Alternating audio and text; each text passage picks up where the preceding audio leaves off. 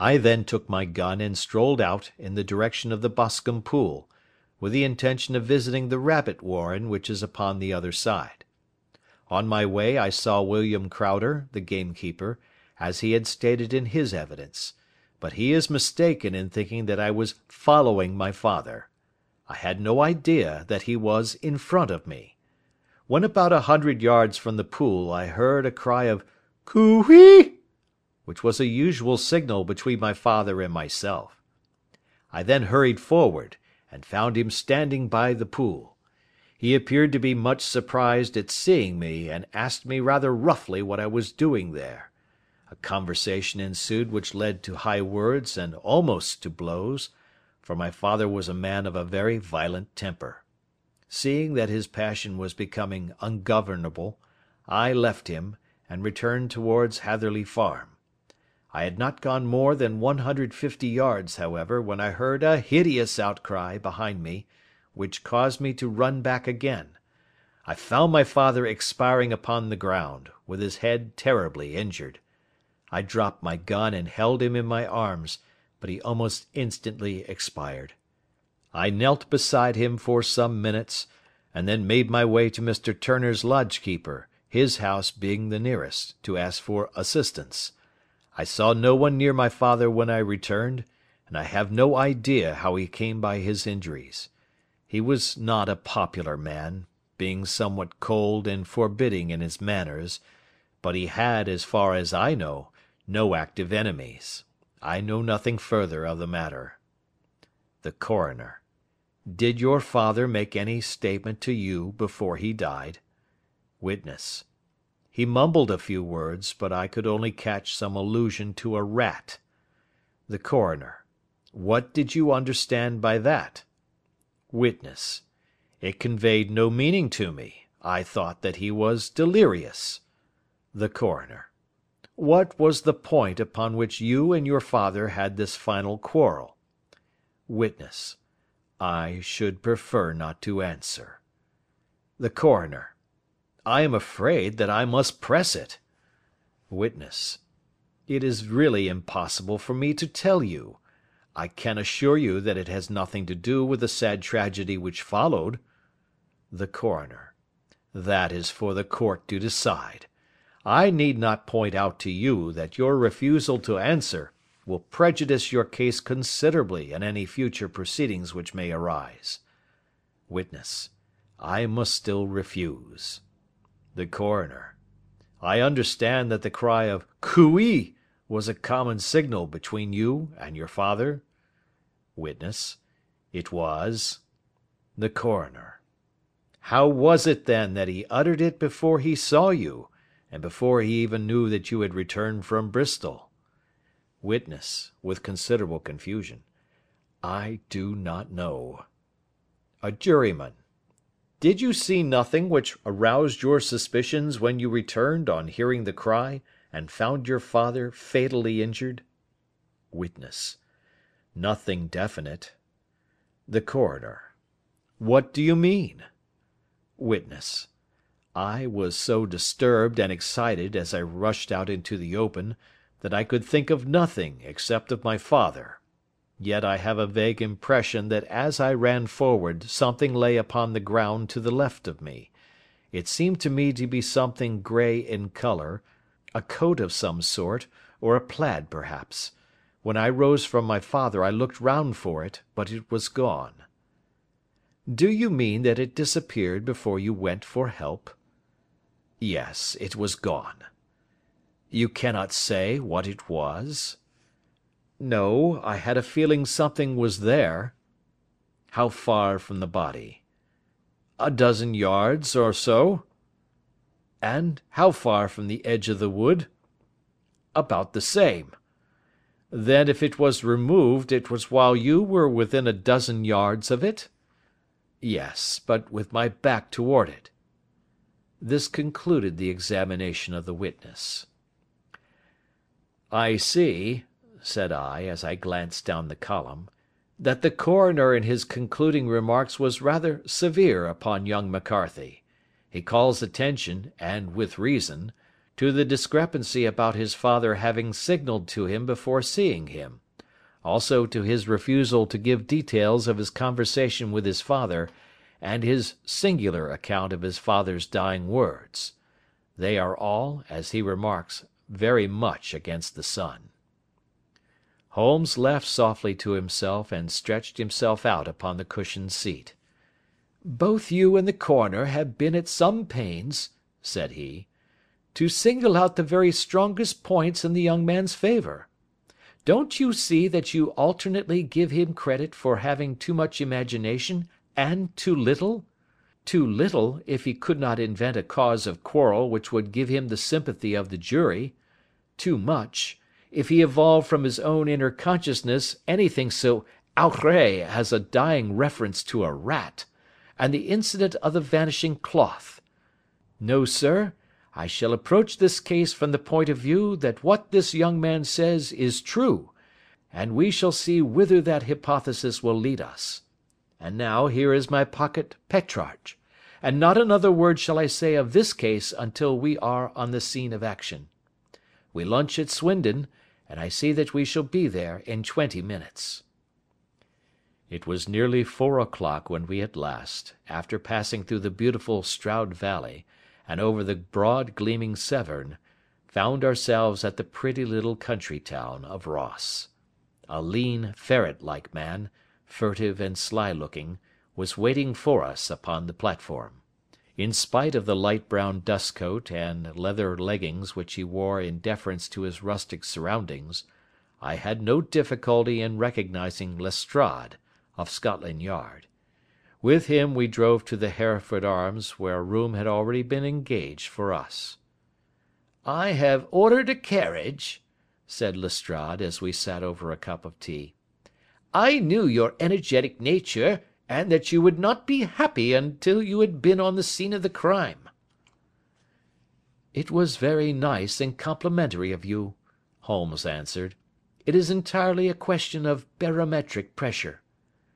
Lestrade looked startled. "I do not quite follow," he said.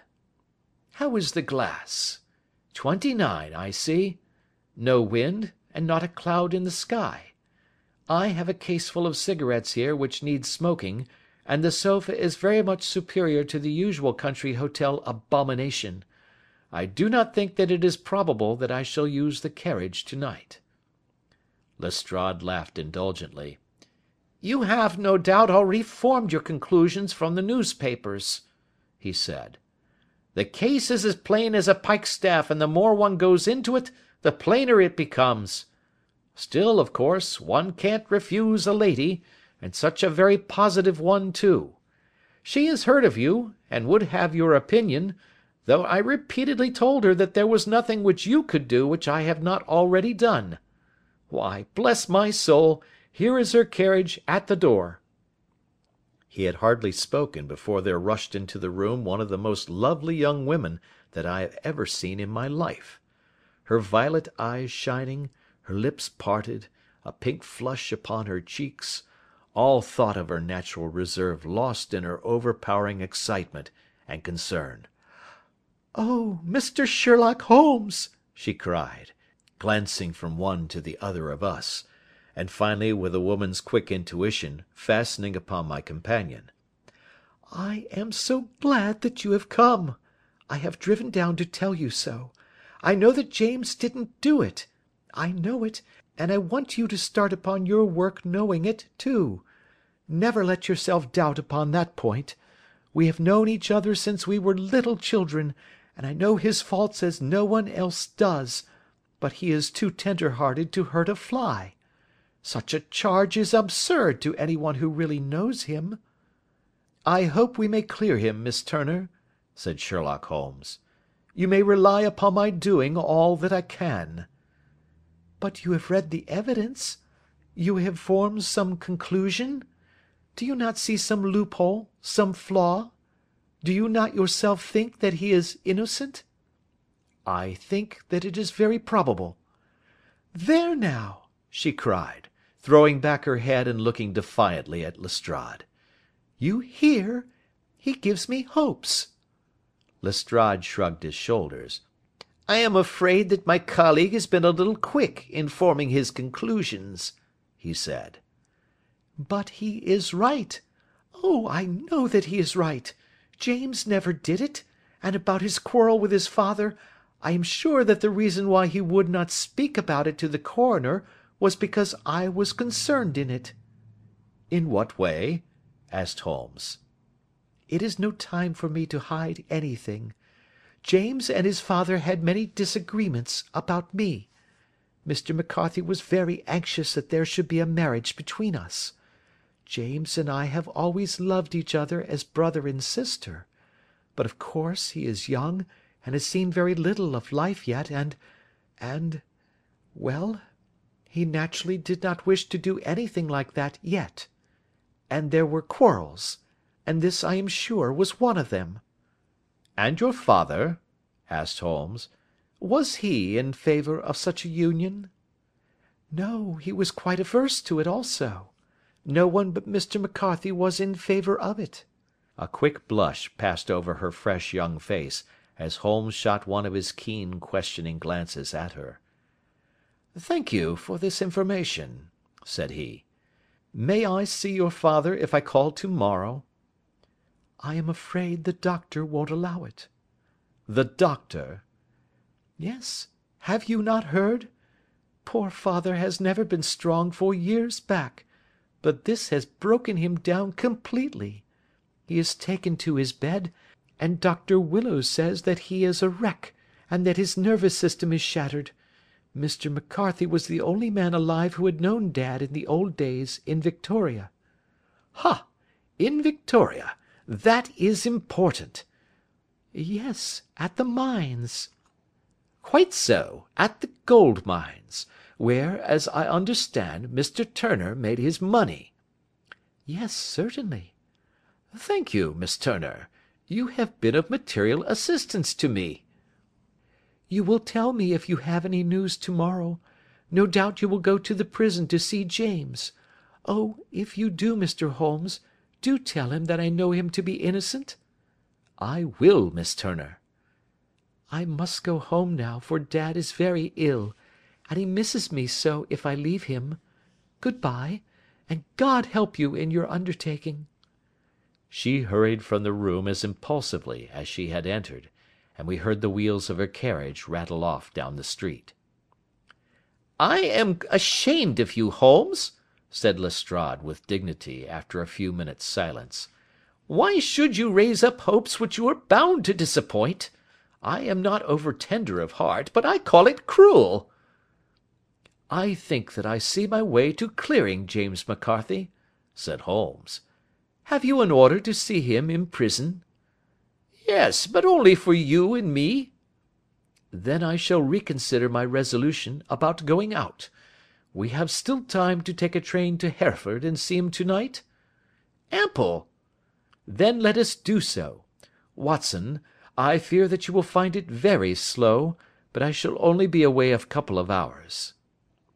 I walked down to the station with them, and then wandered through the streets of the little town, finally returning to the hotel, where I lay upon the sofa and tried to interest myself in a yellow backed novel.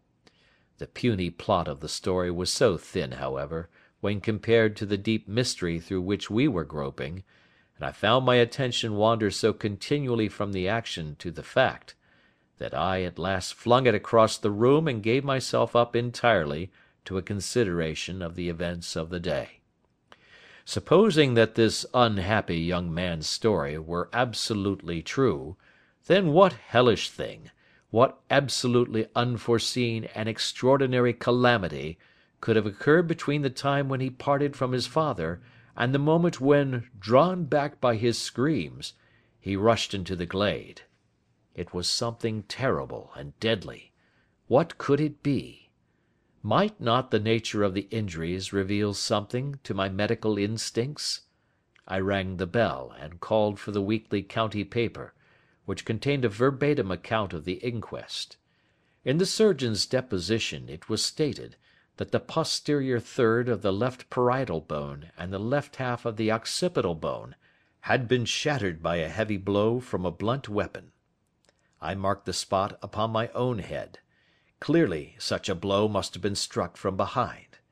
That was to some extent in favour of the accused, as when seen quarrelling he was face to face with his father. Still it did not go for very much, for the older man might have turned his back before the blow fell. Still, it might be worth while to call Holmes's attention to it. Then there was the peculiar dying reference to a rat. What could that mean? It could not be delirium. A man dying from a sudden blow does not commonly become delirious. No. It was more likely to be an attempt to explain how he met his fate. But what could it indicate? I cudgelled my brains to find some possible explanation. And then the incident of the grey cloth seen by young McCarthy. If that were true, the murderer must have dropped some part of his dress, presumably his overcoat, in his flight, and must have had the hardihood to return and to carry it away at the instant when the son was kneeling with his back turned not a dozen paces off. What a tissue of mysteries and improbabilities the whole thing was! I did not wonder at Lestrade's opinion, and yet I had so much faith in Sherlock Holmes's insight, that I could not lose hope as long as every fresh fact seemed to strengthen his conviction of young McCarthy's innocence.